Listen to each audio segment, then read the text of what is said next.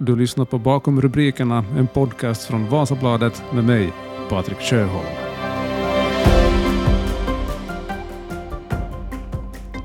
Idag är det onsdag den 9 mars och det har snart gått två veckor sedan Ryssland inledde attacken mot Ukraina. I den här veckan har vi fått höra om att ungefär två miljoner människor befinner sig på flykt från krigets fasor. I det här avsnittet så ska vi få en liten inblick i hur det ser ut på gränsen mellan Polen och Ukraina, för där befinner sig Vasabladets samhällsreporter Sofia Westerholm just nu faktiskt, eller i denna stund så är hon antagligen på väg hemåt till Finland igen, men då jag ringde henne igår, tisdag eftermiddag, så befann hon sig där. Jag hoppas att du spänner öronen för det här avsnittet, det är värt varenda minut. Med mig på telefon på gränsen mellan Polen och Ukraina har jag Vasabladets samhällsreporter Sofia Westerholm. Hej på dig Sofia. Hej på dig.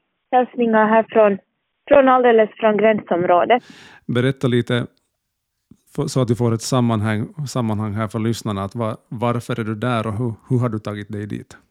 Jag lämnade Helsingfors då på söndag kväll. Mötte upp på båten två finska busschaufförer och, och de har då sin finska buss med och det är via ett bemanningsföretaget, Hansavet heter företaget, som har ukrainska arbetare i både Finland och Estland. Och, och genast då när den här ryska attacken inleddes så beslutade företaget att vi ska se till att deras alla anställda ska få sina familjer från Ukraina till, till Finland eller till Estland. Och, Och det här är en av de bussar som ska transportera familjemedlemmar. Så, så det har varit en lång färd sedan dess, men vi har nyligen kommit fram till gränsområdet och och väntar då på att få möta upp de här 50 personerna som ska fylla vår buss tillbaka till Estland och Finland. Kan du berätta lite för oss som sitter många kilometer långt ifrån det där i vår egen trygghet här, vad är, vad är det du ser framför dig just nu då du tittar ut över den här gränsstationen? Oj, jag önskar att jag skulle ha en väldigt lång tid att beskriva det för att det det finns väldigt mycket att beskriva här. Tidigare körde alla bussar direkt till gränsen, men det blev för kaosartat, så alltså de har byggt upp ett, i princip ett gammalt skjul, så kring det har man byggt en ny station där bussar väntar. Och här kör mellan den direkta gränsen och denna station så kör minibussar och transporterar då de här människorna till de bussar som ska ta den vidare. Här är mm, kvinnor och barn män i krigsför ålder får ju inte lämna Ukraina så här är kvinnor och barn endast och hjälparbetare. Någon har hämtat hit en, en sån här bil som serveras gratis grillmat ifrån äh, från den lokala supermarketen alldeles intill så såg jag precis hur ägaren kom med en stor låda äpplen och delade ut till barnen. Um, här är en del poliser men faktiskt väldigt få. Och de är några av de, de få som jag har hört prata engelska då. Det, det är väldigt mycket som händer på ett och samma ställe. Människor är tysta. Jag har inte mött ett enda leende, men inte heller en enda tår. Jag tolkar det som att det ändå just nu verkar ganska som, så, som, en, som en lugn, sansad stämning där, men det har säkert varit betydligt mer kaotiskt när man har styrt upp det här också från myndighetshåll för att ta emot de här enorma flyktingströmmarna. Jo, det har gjorts en hel del. Det här till exempel så, så var en av de här hjälparbetarna här och berättade för mig att man har skapat ett nytt system i Polen där privatpersoner kan meddela om man råkar ha inkvartering. Om man har en lägenhet att erbjuda ett rum, vad som helst, som man också ska hitta. För det är ju inte bara att, att få de här människorna till tryggheten, utan de ska ju också bygga upp ett liv efter det. Och, och ingen vet när eller om man alls kommer att kunna återvända till det som var ens hem, eller om man ens har ett hem. Så, mm. så det har verkligen gjort, gjorts massor och, och görs hela tiden och det ser man ju att det är en enorm hjälpvilja här också. Det, det är frivilliga polacker som står här i kylan. Det blåser kallt, det visar fem grader men det blåser väldigt kallt och, och det är nog en otrolig hjälpvilja. Det är som att man skulle kunna ta tag i den och, och den är verkligt påtaglig. Okej, du befinner dig alltså där då några kilometer bara från den ukrainska gränsen och tanken är att du ska nu då vidare in mot Ukraina eller hur ser planen ut? Jo, planen är att de 50 personer som vi då ska få med oss härifrån, så de är, sitter fortfarande fast på ukrainska sidan. Det verkar vara väldigt svårt där vid gränsområdet att ta sig över. Alla personer ska registreras en gång där och så ska de ännu registreras en gång här vid den här stationen. För, som en säkerhetsåtgärd ifall någon då plötsligt skulle försvinna. Så äh, de personer vi väntar på är fortfarande fast i Ukraina och vi vet inte, det, enligt uppskattning så kan det ta allt mellan 4 och 20 timmar innan de anländer hit till, till stationen och jag ska då få åka med mig en av de här minibussarna till gränsen. Eh, inte gå över men, men till gränsen alldeles och, och ta emot de här människorna och, och då visa den vägen till vår buss här vid, vid den här gränsstationen som jag just nu står vid. Det, det blev ju vad jag har förstått ganska snabba ryck för dig också när du skulle iväg med, den här, med de här bussarna dit till, till Polen och, vidare till Ukraina. Jag antar att du har kanske lite ändå kunnat förbereda dig på att, att liksom åka dit, men hur, hur har du upplevt det nu personligen att faktiskt vara där så pass nära själva kriget, men också alla människor som är på flykt just nu?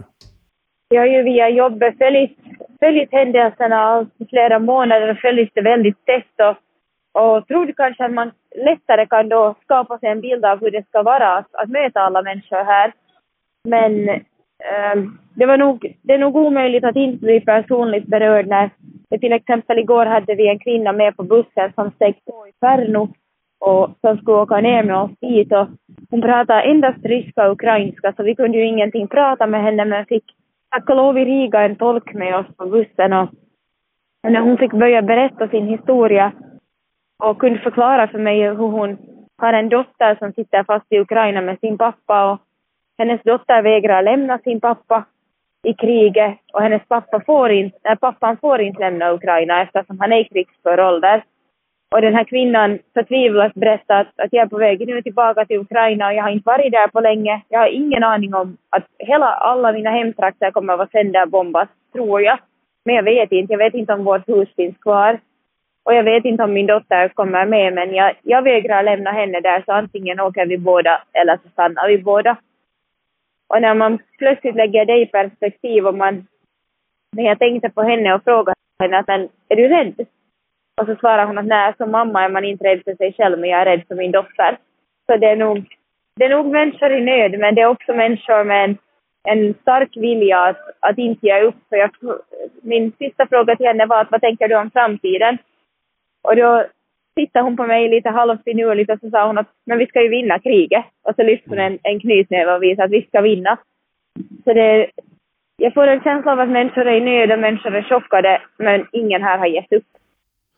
Va, vad tänker du nu då, när du ska liksom, ni, ni ska ta er närmare Ukraina och, och förhoppningsvis alla som ska komma med till Finland så så får komma med utan något större bekymmer där vid gränsen, men att du, du ska prata med folk där och så, så vi får läsa mera intervjuer i Vasabladet, eller hur, hur ser den planen ut?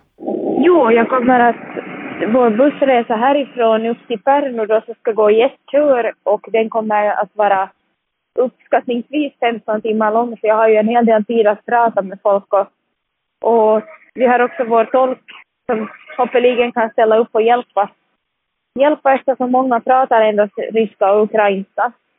Uh, sen har vi fått veta att den senaste bussen som åkte, så där fanns det ett coronafall och, och det är ju också förstås en, en fråga som, en tanke som väcks då att, att väldigt få av ukrainarna är, är vaccinerade. Vi har frågat här efter munskydd men det verkar tyvärr inte finnas så det svarar vi.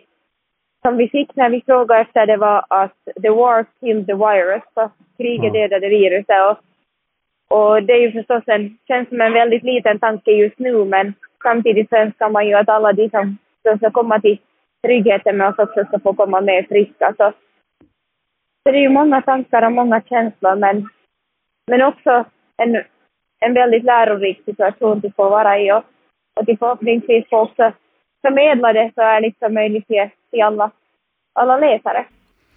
Det har ju många gånger sagts att, att hur pass stor och hur svår humanitär katastrof det är och kommer att bli att så många är på flykt från Ukraina. Färska siffror från idag som säger att två miljoner är på flykt från Ukraina. Ukraina. Det är helt ofattbart att försöka ta till sig på något sätt hur mycket folk det är frågan om. Jag antar att det här är någonting också som du, som, du, du ser det nu med egna ögon, de här människorna som, som flyr från det som är deras hemland och det som har varit deras trygghet som nu är slagen helt i spillror.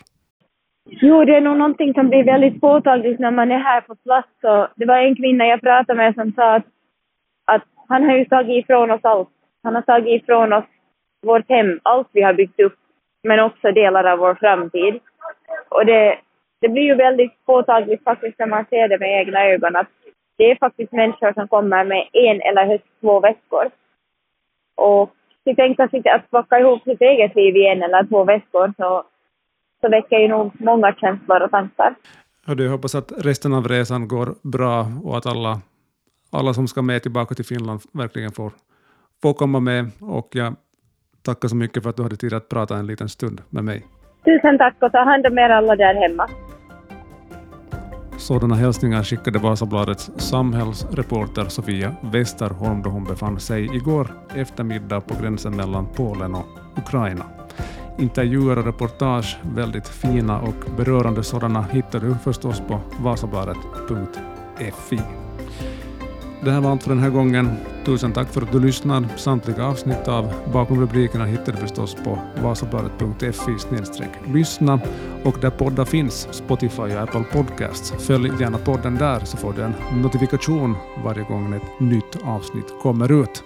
Mitt namn är Patrik Sjöholm. Vi hörs snart igen.